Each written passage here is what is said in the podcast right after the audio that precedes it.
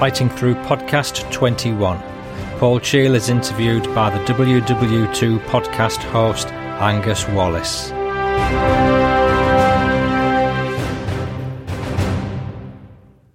Hello again. I'm Paul Cheall, son of Bill Cheall, whose World War II memoirs have been published by Pen and Sword in Fighting Through from Dunkirk to Hamburg.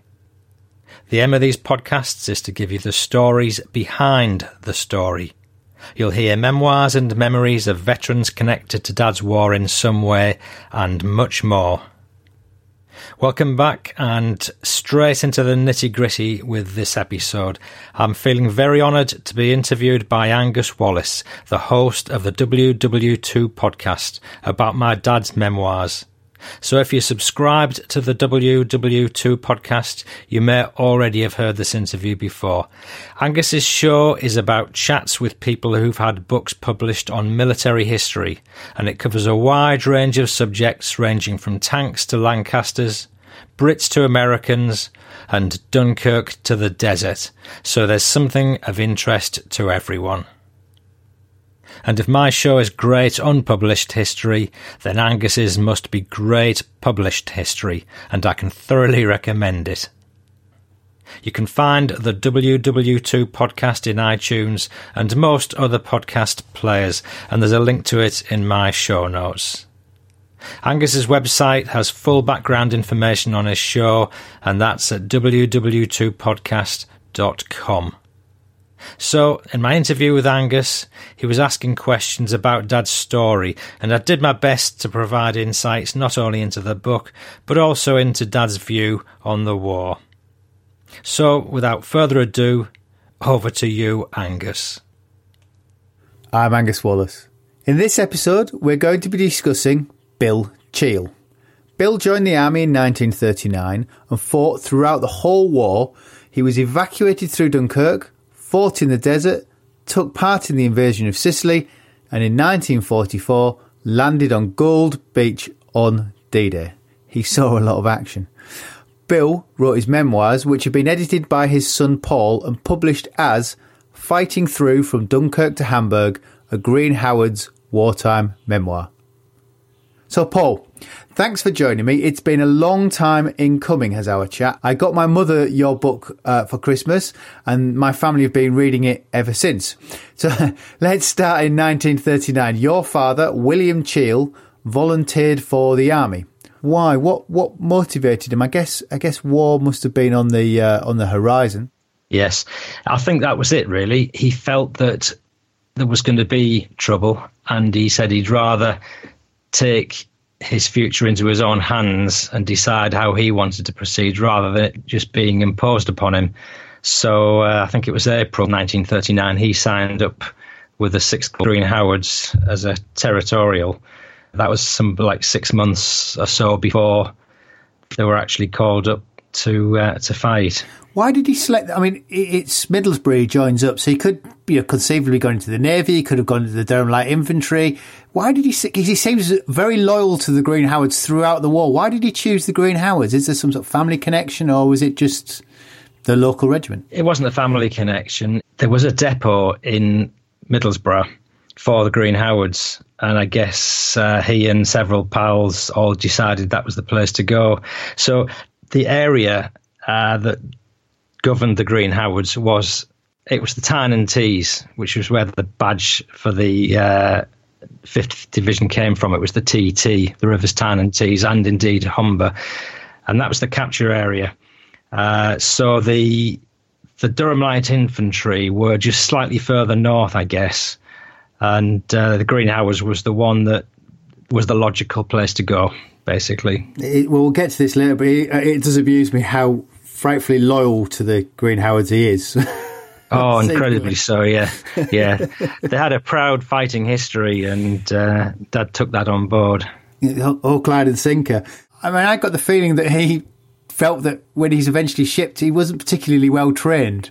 The original training they did was really just square bashing and hiking and marching, and they did very little training with equipment. Um, I'm sure at one point he'll have had a, a, wooden gun like all the rest of them did, I think eventually he got trained on a, a real rifle. But yeah, I know he remarked on when when they were over at Dunkirk that as part of the expeditionary force that officers only had revolvers and binoculars and a, I think a compass if they'd supplied their own. And if they couldn't supply their own, they didn't have them and they were devoid of so many weapons. It was ridiculous, really. Well, when he gets shipped to France, there's a point makes a point of you know they, they're issued Bren guns and anti tank guns, which no one had fired. Yes, that's right.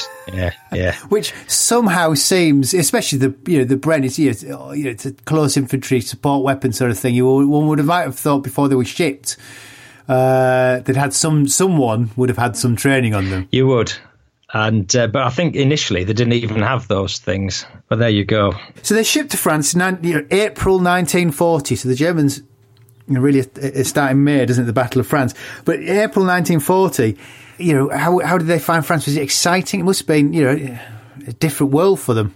Well, having signed up in the April of 39, I think it was the August 39 when he was called up uh, to told to return to headquarters, as it were. And of course, war was declared. It was September the 3rd, 1939. So it was April 1940 when he, he went over there. There wasn't a lot going on, really. They went over there to as a Labour battalion because they weren't really a proper fighting battalion. They were there just to uh, lay bricks and, in fact, to create an airstrip for the RAF.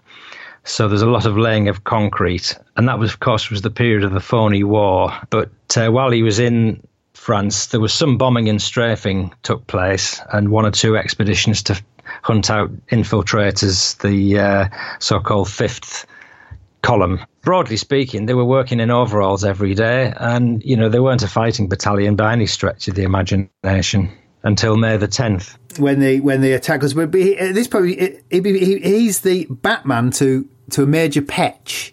Now, for those people who don't know, what what is a Batman? What was his duties? He basically looked after the officers every his every need. He'd bring him a, a cup of tea in the morning. Uh, he'd iron his uniform, wash, do his laundry, make sure he was turned out as an officer was expected to turn out, and just be a, his his close support mechanism. So it's almost like his manservant. I'm not sure they agree, uh, happened in other armies. it's, it's quintessentially English, doesn't it? It does, but I think manservant is a good description for it. Did he, do you think he enjoyed it? Oh, he did thoroughly enjoy it. He learnt a lot from him as well. I think uh, my dad was at that time a working class background, and to discover how officers lived and uh, what sort of habits and customs they had, I think he learnt a lot on that front. But he had a huge respect for the major because he knew that he cared deeply about the troops' welfare. And no end of times he, he did things which made Dad realise how much he cared. I know there was one point at which the the troops had nothing to eat, and the the major gave one of the uh, troops some money, who went into the local village and bought up all the bread supplies and and brought that back, so they had something to eat. But uh, yeah, he was a tower of strength. I think was the phrase Dad used at one point. Tower of strength. Well, this this well this is where it gets us to the uh, the end of the Phoney War, and the, the, the Germans the Germans attack, and, uh, and the British Expeditionary Force goes into rapid retreat. Um, now, how was that retreat for your your father? It, it, it, doesn't seem to be a collapse in morale. No, I think uh, northeastern lads were made of stern stuff, and they weren't going to uh, take anything lying down. And I, I, do believe the fighting strengths were uh, proven at that period and later on in the war. Obviously, this was the the Nazi blitzkrieg, where suddenly relatively untrained troops found themselves fighting for their lives against the seasoned German full timers, only armed with rifles and a, and a few other things. They they managed to hold back the onslaught. And uh, Dad never used the word rear guard, but I think there was at times when he was part of the rear guard because he talks about plugging gaps in the front wherever they were called upon, and he literally went all over the place fighting and then retreating and then fighting some more and eventually making their way back to Dunkirk where at that point other troops were taking uh, taking on the role of the rear guard. as I said when I read it, he, seems optimistic. There seems to be no real. He never seems to come across as there's any breakdown in, in command. But what it does seem to be is confused. And as you see, you know, at one point he writes he had no rations for 15 days, and hence Major Petch, you know, purchasing the bread. It, it, it, it doesn't it, it doesn't quite come across as the out and out route that uh, sort of you have in, in, in mind when you hear the word route. no, I, I, agree. And I think it was the fact that Dad used the phrase a few times, uh, which is grim determination that, you know, when all, when all seems lost, you keep your chin up and you keep on fighting to survive. And I get the impression morale was always pretty good uh, amongst the troops certainly how it portrays it. And how so you know they get to Dunkirk. I mean, for many people, you know, the, the images of it's strangely for me. It's a mixed image of of the film. I think with a Messerschmitt roaring down the roaring down the beach. Uh, and long lines of long lines of, of men. How was your father's experience at Dunkirk? Well, when he finally got to the beach uh, after the fighting that led to him arriving there, it was chaos. It's funny because they walked around this quiet corner uh, just arriving at Bray Dune, which is just down the road from Dunkirk, and suddenly they they came across the beach and saw either way they looked tens of thousands of troops. And uh, in fact, at that point, the Stukas had just been over doing some bombing and strafing, and there were lads dead and wounded all over the place. And the uh, medics were doing their best to, to make the best of a bad job in, in looking after the ones that had been wounded. But it was it was chaos because uh, nobody knew what was going on. There's a, a lot of disorganisation, but luckily the majority of Dad's unit had, had kept together. I think the numbers that actually arrived at Dunkirk, they'd been depleted earlier by the fighting, but the number that did arrive stuck together, and Major Petch took a leading role there and managed to, after a, a day or so, managed to uh, find them a place on the Lady of Mann, which is a ferry ship, and they had to walk five or six miles along the thick, heavy sands from Braydune to Dunkirk to get on it. But it was awful because they had to take shelter in the meantime in the sand dunes, and that was the best place to hide really from the the onslaught. But obviously, some troops weren't in the sand dunes; they were just on the beach, and everybody felt very exposed. Even today, if you take a Google map or a Google Earth view of the sand dunes at Bray Dunes, you you can pretty much still make out bomb craters. You know, it's it's pretty horrendous stuff, really. You know, he's one of the three hundred thousand to, to to get off at Dunkirk, and and one of those curious things that again sort of it gets sort of skipped over. Uh, um, you bring three hundred thousand an army back from uh, France. Uh, you deposit them all in the country. They don't come back in neat regiments. They don't come back with everything they were sent with. They're essentially got off the boats as fast as possible. You can't just have 300,000 men deposited in, in, uh, in Dover. So he's basically in the clothes he's stood up with, he's stuffed on a train. All he came back with was some bedraggled clothing, obviously, and his bareness, which uh, interestingly is actually on display or has been on display at the Green Howards Museum in Richmond.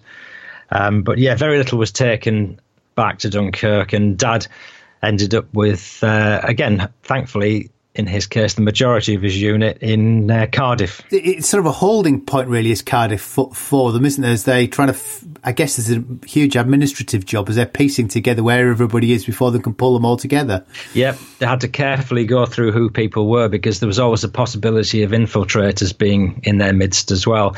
So everybody had to be accounted for in the official records, and then eventually they were resupplied and moved back or moved on to wherever they were destined to be. So there's a lovely story of your father and two old ladies in Cardiff. yeah, yeah. If you ever wanted a, a great tale of the Dunkirk spirit, that that is one of them. Because Dad, uh, in the probably the first day he got back, or the day after he got back, uh, he was wandering the streets of Cardiff because at this point there was nothing going on apart from uh, disorganised recovery. He was wandering around Cardiff and he was looking at an advert in a newsagent's window, and two ladies uh, came up to him because at this point he was dressed, he still had his hard hat on, and they came up to him and uh, asked him if he'd been, uh, if he'd just come back from Dunkirk, and he said, "Well, yes." and they kindly invited him back to their houses.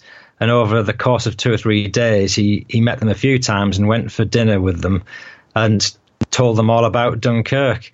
Um, and they were very sort of circumspect about asking him because they didn't know how traumatized he was and whether he'd really want to talk about it.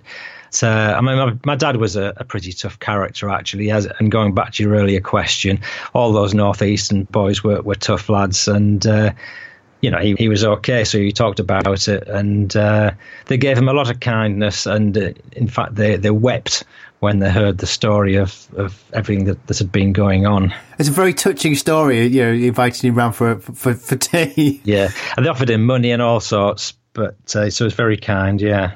They rejoin uh, their units, the unit reforms, sort of, as it were, back in Dorset. The administration catches up with him and he rejoins his old unit, and uh, you know, presumably they start refitting and retraining. Uh, and Petch Petch is is he retired off? Yeah, around this point, uh, they were based around the Bournemouth area, particularly. And uh, during that period, Major Petch was retired because it turned out that he'd been in the First World War as well, and he'd suffered damage to his hearing. And I think it was felt because he, he, was obviously older years. He wasn't a spring chicken anymore, I think he was retired through, uh, well, not ill health, but you know, with with shattered hearing, he wasn't going to really do that well later on in the war with what was to come. So he uh, he stood down and things moved on. The next, the, they're off to the Middle Middle East. I was in retrospect, he gets lucky, but he comes out with sinusitis, so he can't be shipped out with his unit. I mean, I wondered if he felt himself, you know, subsequently lucky to have not been shipped out with this unit? Oh my goodness, yeah, absolutely. Um, when the battalion was shipping out, he, as you said, he had sinusitis. He had to go for an operation in hospital, uh, so he, he, missed the boat. And uh, what was to lay in store for the rest of the battalion was some serious fighting and a lot of death. And chances are he wouldn't have come through that had he, he gone. So uh, luckily, he stayed behind and cooled his heels till the next opportunity to go to Africa came about? He's posted to uh, Richmond, which is the uh, headquarters of the Green Howard. That's Richmond in North Yorkshire, not Surrey. uh, uh, and it, it's at this point. This is well, this is one of those strange. I have a lovely question for you later, but he's um, he becomes an officer's cook. Yes, I think partly because of his association with officers as as Major Petch's Batman when they were looking around for someone to to do stuff. Uh, and Dad was at this point a seasoned veteran, and a lot of the troops there were greenhorns undergoing training, and Dad would really have just become a bored soldier had he stayed doing more and more training. So yeah, he took he was given the opportunity to be an officer's cook, and he took that with relish, with no previous experience. Um, but he went on a course, and thereafter, throughout the war, he, he dipped in and out of this role. You know, when he wasn't fighting with the lads, he would he would serve up grub to the officers. I think during that period, he also became a, a waiter as well. There's one funny anecdote from that period when uh, he used to serve one particular officer in the officers' mess in the morning, breakfast time, and he'd and the officer would say to him, "Oh, I'll have the usual chill." And he didn't mean bacon and eggs; he meant the double whiskey. so.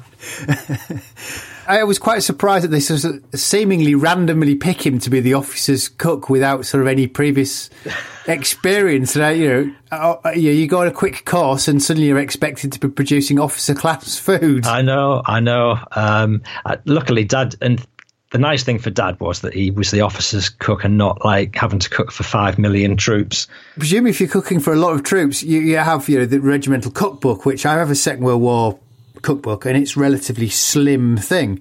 Now your dad mentions that he, he carried with him a copy of Mrs. Beeton's, and presumably that's Mrs. Beeton's household management. If it's anything that's like my mother's yeah. 1930s version, yeah. is probably brig, bigger than a house brick. Oh, it is. It's massive. It, it, sadly, I haven't got his original copy, but I actually bought one on eBay, and uh, so it's, it's, enormous. It must have filled half his pack. Had he been engaged in trench warfare at any point, he'd just been able to stand on that to give him a better view of the enemy. But uh, the, the nice thing about that book is actually I discovered in the middle of it some. Uh, some little diagrams for folding napkins into different shapes. Oh, is everything in it? Uh, absolutely everything. But the I- irony of or the coincidence behind that is that in his box of tricks, all his souvenirs and everything, I found those self same sheets of paper with the which he'd already he he'd obviously torn them out of his original book to keep them. And then I, I, found them and matched them up with the one I'd bought on eBay. Obviously, I've therefore got now got two copies of those things. It was a nice, nice. It was a nice find. It. It's nice to know that that's the version he had, and it's an enormous. yeah, yeah, that's right. yeah. Yeah. And and eventually it's um, the end of 1942. He's shipped to the Middle East, but he has the he receives the dreadful news that he, he's going to be posted to the to the East Yorks Regiment, East Yorkshire Regiment, which you know to, to anybody not familiar with British geography is a whole ooh, 70 miles away from the Green Howards, but to him it might as well be you know New York regiment, you know, the Americans. yeah, I'm not sure why. I think really he was just part of a draft going out there, and they were being treated as substitutes to replace vacancies in, in the other battalions. The logic of the 5th East Yorks, of course, was that the 5th East Yorks and the 6th and 7th Green Howards together made up the 69th Brigade. Uh, so there was there was a connection between them. But yeah, Dad was most distraught when he was landed up and told he was now in the 5th East Yorks. He never did actually get the badge to go with it, uh, strangely enough. Not so long past that, he was recognised by an officer and he said, You're Cheall, aren't you? And he recognised him from the officers' mess in Richmond. And he said, Well, what are you doing with a what are you doing with, with East Yorks? And, and Dad explained. So the officer turned to his adjutant and said, This man is a Green Howard. Transfer him immediately. So, so Dad thankfully ended up back where he, he felt he belonged. I, I thought that was a wonderful story, the ignominy of uh, being put in the East Yorks. What, what was his impressions of the Middle East when he got there? Flies is the first word that comes to mind. It was very hot, sandy, sand got in everything and he said the flies were just appalling. The the food when they first got there, because he uh, he had a wonderful voyage on the Queen Mary, he landed at Ch- uh, Port Tewfik, and uh, then moved over to a, a, camp called Kassassin Camp, which is uh, every soldier's bugbear in the Middle East apparently, because it was full of flies. The food was absolutely appalling. And initially, Dad lost a lot of weight because he just couldn't eat it. It was like runny green mashed potato that didn't taste like anything. But the flies landed on your lips and, you know, everything you drank and ate, there were flies around your mouth. So that, that was his impression, really. Nothing to do with the fighting, because initially there wasn't any fighting. He. Uh, he did uh, a training course on a Bren gun carrier, which is fantastic. And also, the, at periods, he was guarding German troops as well. There's an interesting story out of that. I was just about to say, how did he find the Germans? He was uh, accompanied them guard duty, going out on working parties, and there were a couple of young German lads, just ordinary German infantry, Alfred Becker and another chap, and they befriended Dad, as, as I suspect prisoners try to, but he he returned the compliment and. Uh, he realised they were just ordinary lads, and he used to give them uh, bits of chocolate or treats if he found them occasionally. And he actually helped them write home to their parents to let them know they were okay.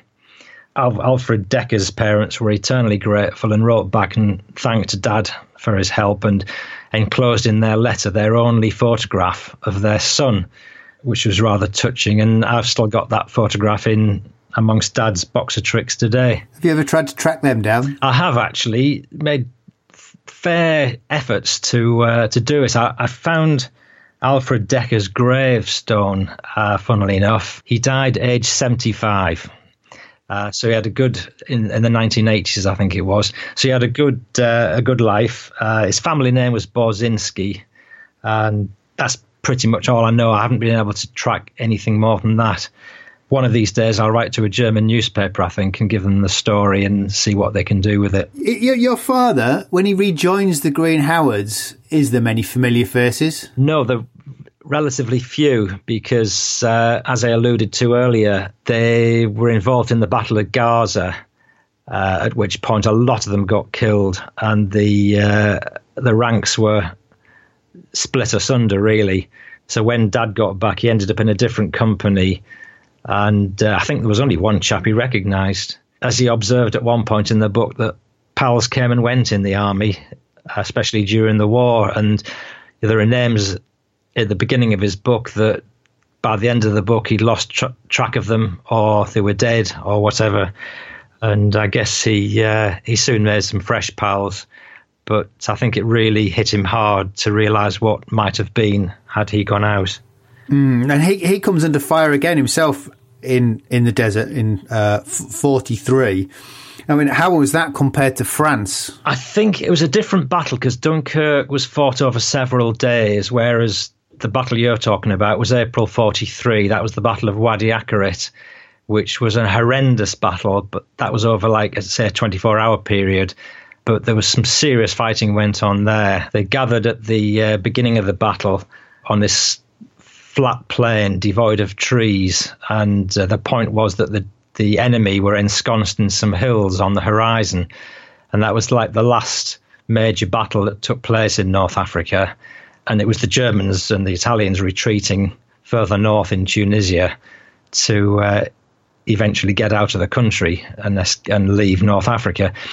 But the battle began, and uh, the troops had to walk in a line across this flat plain under uh, shell fire and all sorts, and several yards apart to uh, minimise the damage of shelling. As they approached these these hills, the uh, shelling intensity increased. There were lads being wounded and killed and blown to bits left, right, and centre. Certainly, several of his pals got killed in that battle. But they eventually made it into the hills and came across the enemy, and there was a lot of hard fighting during that point. But eventually, the Allies won. His Lance Corporal's killed at some point, isn't he? Is that the way he jumps up and up and at him himself? That was uh, Lance Corporal Coughlin. At one point, they'd been told to keep their heads down because being in the hills, the enemy were more often than not above them, so they could they had a vantage point to see what they were doing. And at one point, for some reason, Corporal Coughlin jumped up to see what was going on, and Dad was sitting right next to him, standing right next to him. He got shot by a sniper and just fell fell dead there and then.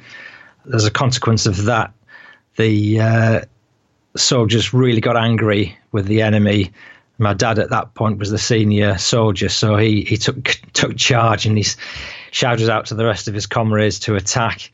And don't forget your grenades, boys. So they uh, ran up to this Italian trench and they found a, a lot of Italian soldiers hiding there, cowering, and they're the ones who'd shot their pal. At this point, I don't think there was any taking of prisoners because when you're in the middle of a battle, you either kill or be killed. And so they killed the Italians, is the bottom line there. It got me because, insofar as he's, you know, you, you kind of read his jovial things about being an officer's cook and this, that, and the other. And then you get to this little bit and it's there's that sort of, uh, it's almost like something snaps and he, he's up, he is up and at them. Uh, something snaps him and he's, he's, he's gone. He's, you know, the aggression kicks in. I think it was uh, there were extremes definitely from long periods of being browned off, as Dad referred to it, uh, to the intensity of of a vicious battle. Yes, it brought out all the extremes of emotion that it possibly could. He's such a glutton for punishment. You know, his next up is, Husky. He, they take part in uh, Husky, the invasion of Sicily, uh, and and more than anything else, what what made me chuckle about that, he notes that he uh, or in my notes, I'm, i think I must have read it, but he he he, uh, he caters for Eisenhower and Monty. Yeah, that was an extension of his officer's cook duties. Yeah, having having landed at Avola in Sicily for the landing uh, and gone through various battles on the island, uh, things had gone quiet, and I think at this point Monty was having a a meal with some of the the high ups. And uh, one day, was Dad was asked to prepare a, a meal for for that for these people. He didn't know at the time he was preparing it that it was Monty and the rest of them, but uh, it was only after that he he discovered it.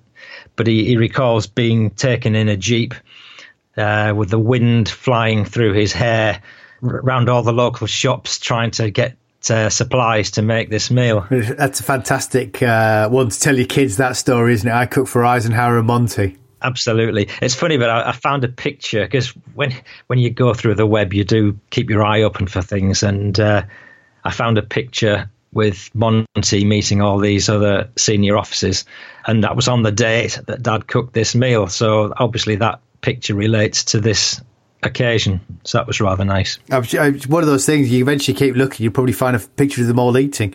yeah, yeah, absolutely. Did, yeah, yeah. did he ever know what he cooked them? No, no. It was. I think to be fair, Dad did one course. It was uh, he did the hors d'oeuvres. So this is where uh, I, I I think Monty basically shafts them and decides that he needs his, his his crack troops from the desert and Sicily, and your father's withdrawn, so he misses Italy, misses the invasion of Italy. They're withdrawn back to the UK. I mean, I'm guessing he doesn't realise he's what he's why he's been withdrawn back to the UK. No, I think they probably had an inkling that it was for better things, but they clearly had no idea exactly what. In fact, even the fact that it was France, Dad only knew it was France when he was on the ship going over there. What what surprised me was they do go through a rigorous training program in, in the UK. I was not sort of aware that the the infantry were were put through such a rigorous training program pre D Day. I think it depends which battalion you were in. I know the Green Howards were designated as being part of the first wave on Gold Beach. And as a result, they were going to be in the forefront of all any fighting that took place. Oh, that was the view. And as a result, they were given a higher level of training, I suspect, than a lot of the troops were. He went up to Scotland to Inverary, and uh, he was given a commando of training course. I think he was there two or three weeks. And they were doing all sorts of things, climbing ropes and uh, practicing uh, landings on landing craft. Goodness knows what else. And this would be the first time, presumably, for well, at least a year, because he was in, in in the Middle East, that he he gets some leave at home. How does he find home? It must be a different place. Presumably, people have people have been killed and bombed. And he came back. I think it was it was bonfire night uh, when he came back. He arrived at Liverpool, and uh, the troops were in awe of the violence that had taken place, and obviously Liverpool had been heavily bombed. So he found it to a degree a subdued place, I guess. So the worst thing about coming home was that he, he had to go and see the parents of several of his comrades that had been killed. Uh, there was Arthur Oxley and two or three others. He found that quite a hard task because he had to um, not necessarily break the news to them, but you know, be one of the first there to see the parents to to share in their sorrow. I thought that was um, a remarkably uh, decent, but remarkably sort of almost brave thing to do. Because it must have been a horrendous sort of duty going to see them. It would have been very easy to stay away, wouldn't it? Yeah, find an excuse. But I, th- I think there were pals that he was close to, and I guess he knew the parents as well. So uh, that made it even harder, I suspect. I think the worst one actually was the one that I mentioned, uh, Arthur Oxley, because he got blown to bits in uh, the Battle of Wadi Akarit, and uh, my dad had to bury him. And he, in doing that, he found the shell damaged cap badge of Arthur, and that today remains in the souvenirs that Dad's left.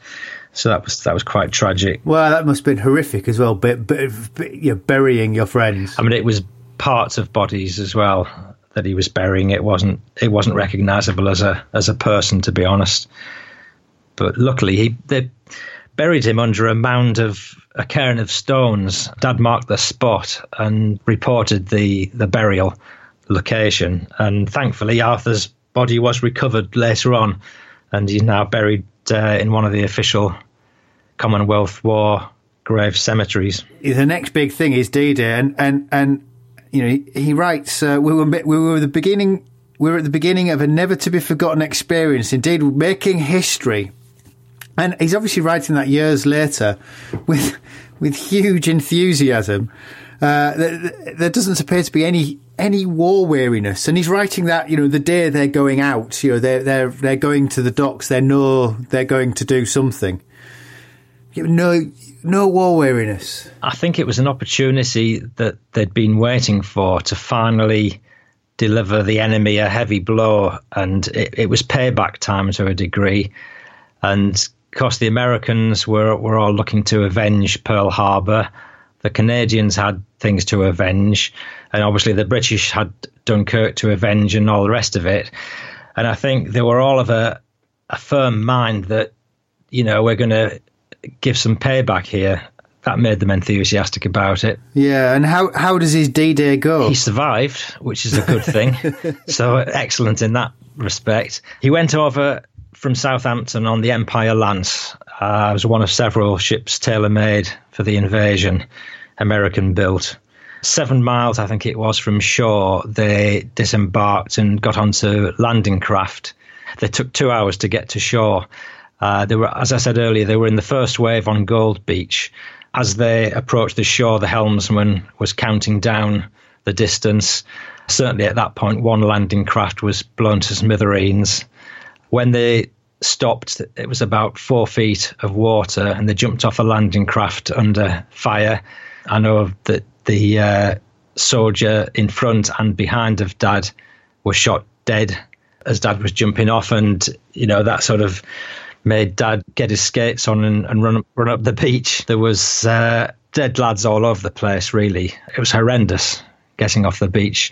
There was a, a disabled German tank standing there with flails all blasted to smithereens, and behind it there was uh, Captain Lynn, uh, who was a a well respected officer. He was urging the troops to get off the beach. He'd already been wounded, but then he was shot and killed and one of Dad's other officers took over, Captain Chambers, and he was shouting to the troops, "Get off the beach, lads! Off the bloody beach and give the buggers hell!" The troops ran up the beach and finally cleared the major obstacles. And at that point, the, the firing died down because they were out of harm's way. Shortly after that, they, they sort of regrouped and, and carried on with the fighting. There's a story when when Dad was on on Gold Beach. There was a chap called Rufty Hill when they were getting off the landing craft. He jumped off the landing craft and fell into a shell hole. So as a result, instead of landing in four feet of water, he went down deep, and at the same time, the craft surged forward on a wave and crushed him, and obviously drowned him. And that was it. That was his uh, D-Day, which is really, really sad because, uh, yeah, he was a tough soldier and, and well liked by everybody. He was one of the lads, as Dad described it. Um, so that that was uh, rather a one of those unfortunate accidents. It was. It was that happens. Yeah. And it's a long day for them. They don't eat for 18 hours. I mean, that's what sort of you suddenly think it brings it home how long a day it is for them and especially the two hours two hours coming in on a boat. Presumably, they're all being sick. Yes, he does make a point, of, you know, noting they they needed sick bags. That must be exhausting. They'd uh, had a breakfast on the Empire Lance, and obviously that didn't go down well, or it didn't stay down well uh, when they were travelling over on the landing craft because it was the sea was very choppy, and uh, yeah, that did its worst. But they had, um, I think they had 24 hour rations with them. So they had they probably had something to eat, but I would imagine uh, the excitement of the day was, you know, the last thing they were worried about, I guess, was eating. It was about staying alive at that point. And it's continual, you know, it must be continual combat. They, it makes part of, you know, noting they didn't have a wash or a shower for 24 days. So they must have been in the line for at least 24 days. Yes, yeah. Um, that would have taken us to the end of the month, really. It's funny, at that point, Dad was. Uh, sitting at the edge of a, a ditch having uh, a bite to eat. In fact, at that point, he got wounded. A shell came over and they hadn't heard it. And the next thing Dad knew, he'd been thrown several yards across the road with a, a piece of shrapnel in the side of his leg. It, it, for him, the you know, the evacuate his his personal evacuation from from you know backwards down the chain is quite an efficient process of of uh, you know, taking him away, and he eventually, you know, well, how, you know, describe the route that he takes. Pretty quickly after he'd been wounded, a first aid jeep came up, and Dad was stretched onto the back of it with some other chap, and they were taken to a holding bay. Uh, and from there, they were taken across the Mulberry Harbour because this was four weeks later after D Day. So at this point, the Mulberry Harbour was ready. He went across it and he, he remarks that uh, he looked up to see this magnificent piece of construction as he went across it. He never forget it. Um, but he was whisked across the channel. When he got back to England, he was operated upon. He, he stayed at the Canadian General Hospital. It was a temporary hospital that had been set up and at that point, he was operated upon. Shrapnel was taken out, handed it, handed to him on a handkerchief. Which again, that piece of shrapnel is in his box of souvenirs. so, it's funny because uh, occasionally I do talks on Dad's book, and I went to a school once, and I put a slide up of this piece of shrapnel so kids could see what it was, and just to scale it, I'd put a fifty pence next to it on the on the screen, and uh, some little kid said, "When when they took the shrapnel out, is that when they found the fifty pence as well?" so, you know, innocence.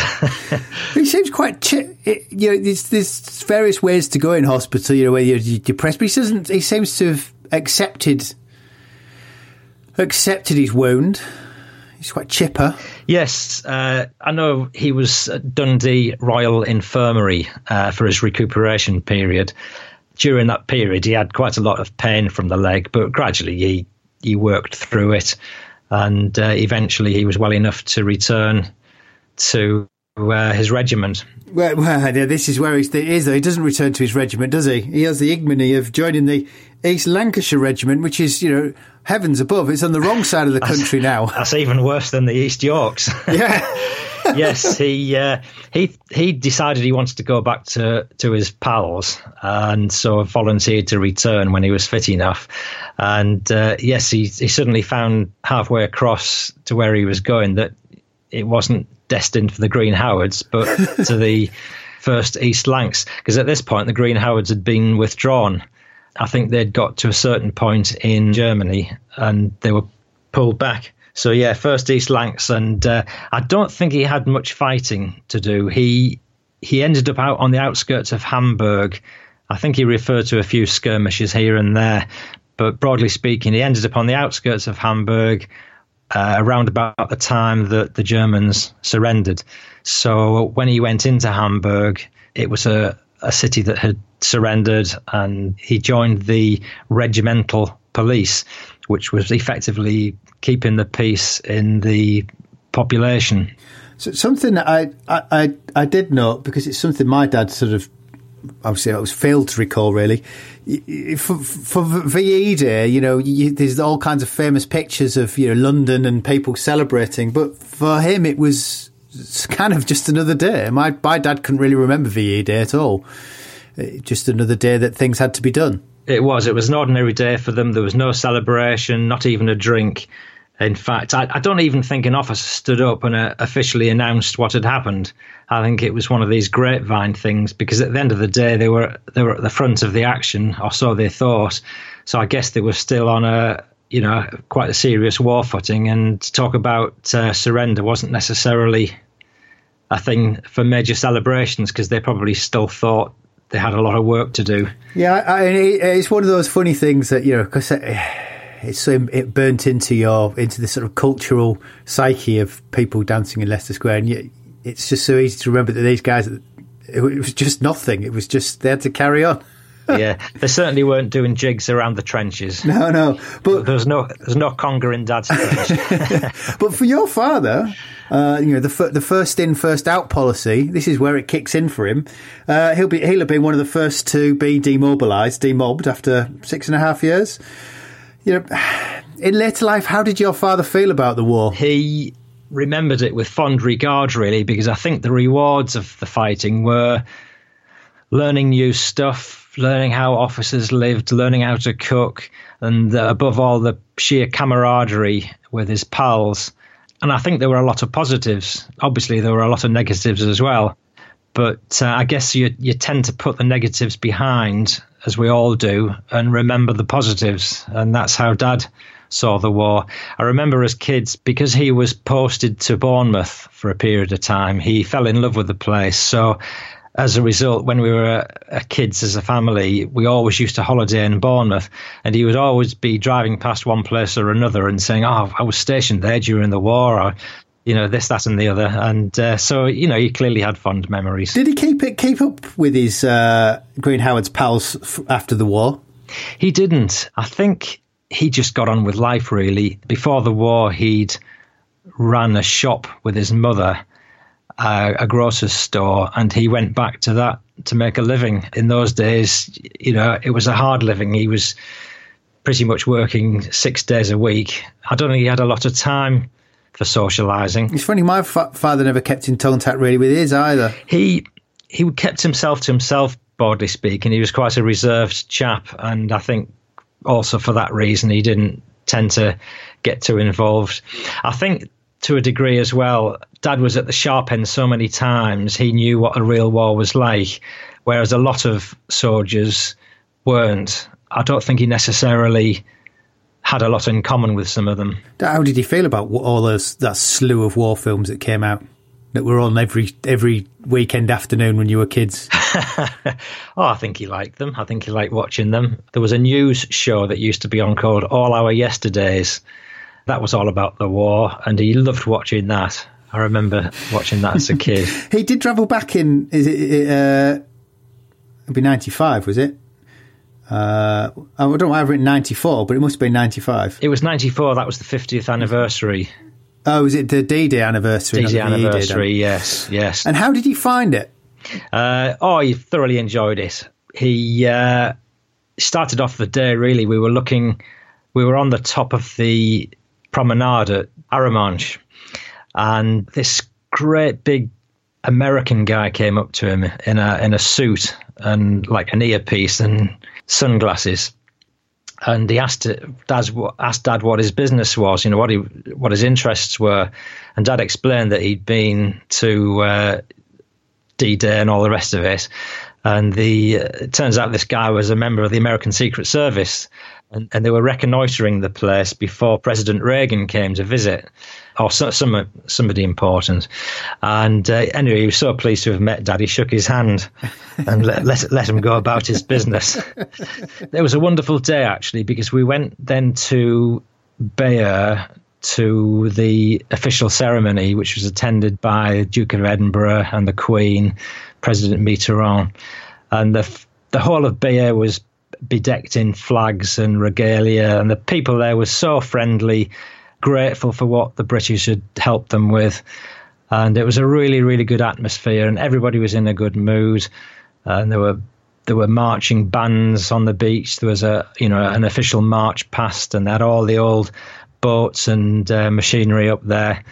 And it was altogether a fantastic time. And Dad was very touched by it, particularly the ceremony. I remember him uh, you know, having tears in his eyes at the official ceremony. We went to Bayeux with my father in probably '89, and uh, I think I might have told this story before. But they, um, as we were going in, this French guy came out and he said to my father, "You were here in '44." My dad said, "Oh yes, I you know landed in '44." And he said, I was in the RAF. And my, because we're surrounded by bomber bases, my dad reeled off all the bomber bases around here during the war. Uh, the the guy burst into tears, hugged my dad, who, you know, typical Yorkshireman, left his arms down his side and didn't quite know what was going on. And this Frenchman gave me this big hug, floods of tears. I said, Oh, we were young, and, and, and walked off, leaving my father completely embarrassed and bemused. Wondering what had happened. Yeah, yeah. yeah. Um, I, I only really have one, one, one sort of final thing. Right? See, he, he goes through the whole of the war. He fights in, you know, everywhere. He never. He did he finish the war as a private? I don't think he, he he started as a private and he finished as a, a, corporal in charge of the regimental police, which was uh, not the red caps, um, not the military police, but regimental police. So he was on duty patrolling various German cities from time to time, which was included Hamburg, Dusseldorf, two or three others, and he's got really happy memories of that period. It wasn't a, a tough job insofar as the German population weren't didn't seem resentful or or anything. They were just quite subdued. Uh, so they were pleased, in fact, that the Allies had finally brought some stability. I just find it, yeah, I find it amusing that oh, not amusing. He didn't actually get you know a, a, further rank up, or he didn't end up being an officer, or you know because he was in at the start. It's amazing that you go all the way through. And uh, part of that, I think, was his inclination not to want promotion. There was at one point early in the war, he was uh, asked if he would like to be interviewed for an officer's job. And he went for the interview and uh, answered all the questions fairly well, I think. But he said at the end, one of the final questions was, Did he have an independent income? And he said, No. So, so therefore, I can't afford my own binoculars. Bear that in mind. As a result of that, he felt that's why he got turned down. At that point, he decided he didn't want to become an officer. If that's what it took, that it had to be, uh, you know, of independent means, then he would re- reject it. Uh, but I think as as more and more officers got picked off during the war, I suspect they relaxed the rules to the point that it didn't really matter. But eventually, Dad was lance corporal, and then, as I say, corporal on the uh, in charge of the regimental police. Yeah, sometimes I think regiments um, like the Green Howards, and is it the 51st Highlanders, were sort of shafted by Monty, who kept he kept requesting them after they'd performed so well in the desert. I wonder how many of them thought, "Oh, haven't we done enough? Let some other blighter have a go." Yeah, I think uh, th- there's a truth in that, but I think they had proved themselves at Dunkirk to be tough material, and as a result, result of that, they got onto the next peg for ne- being chosen for the next tough battle, and because they performed well in that, they got chosen for D-Day, etc. Yeah, I don't think they were necessarily picked on by Monty, but they were they were his chosen boys to a degree. yeah, yeah, yeah. This, uh, yes, and it was mentioned in the book. The fifty, you know, the fifty-first Highlanders, I think, did the same sort of thing. End up fighting everywhere, and you think, oh bloody hell, could they not find somebody new and knows do a bit of garrison duty for a for a short period? yeah, yeah.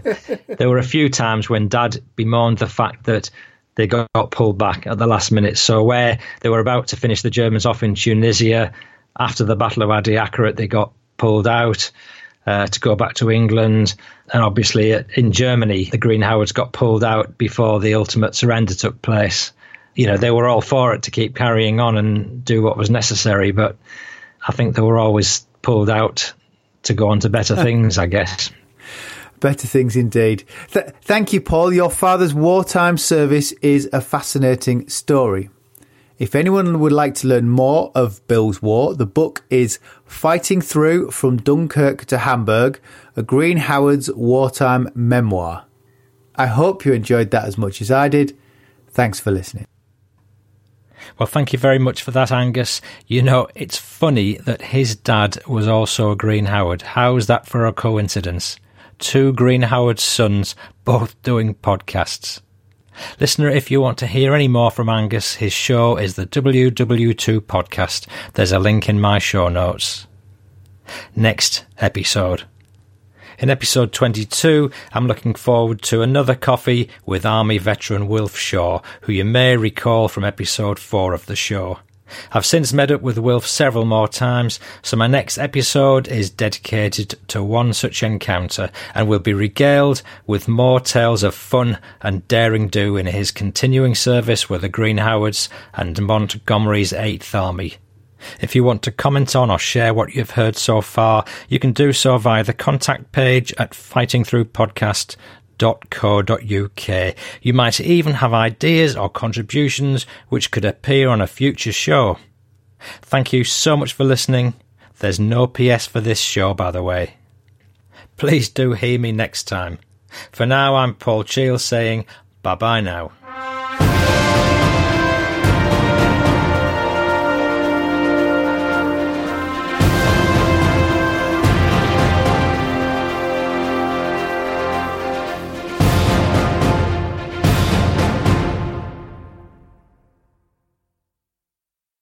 Say goodbye to your credit card rewards. Greedy corporate mega stores, led by Walmart and Target, are pushing for a law in Congress to take away your hard earned cash back and travel points to line their pockets. The Durbin Marshall credit card bill would enact harmful credit card routing mandates that would end credit card rewards as we know it. If you love your credit card rewards, tell your lawmakers hands off my rewards. Tell them to oppose the Durbin Marshall credit card bill.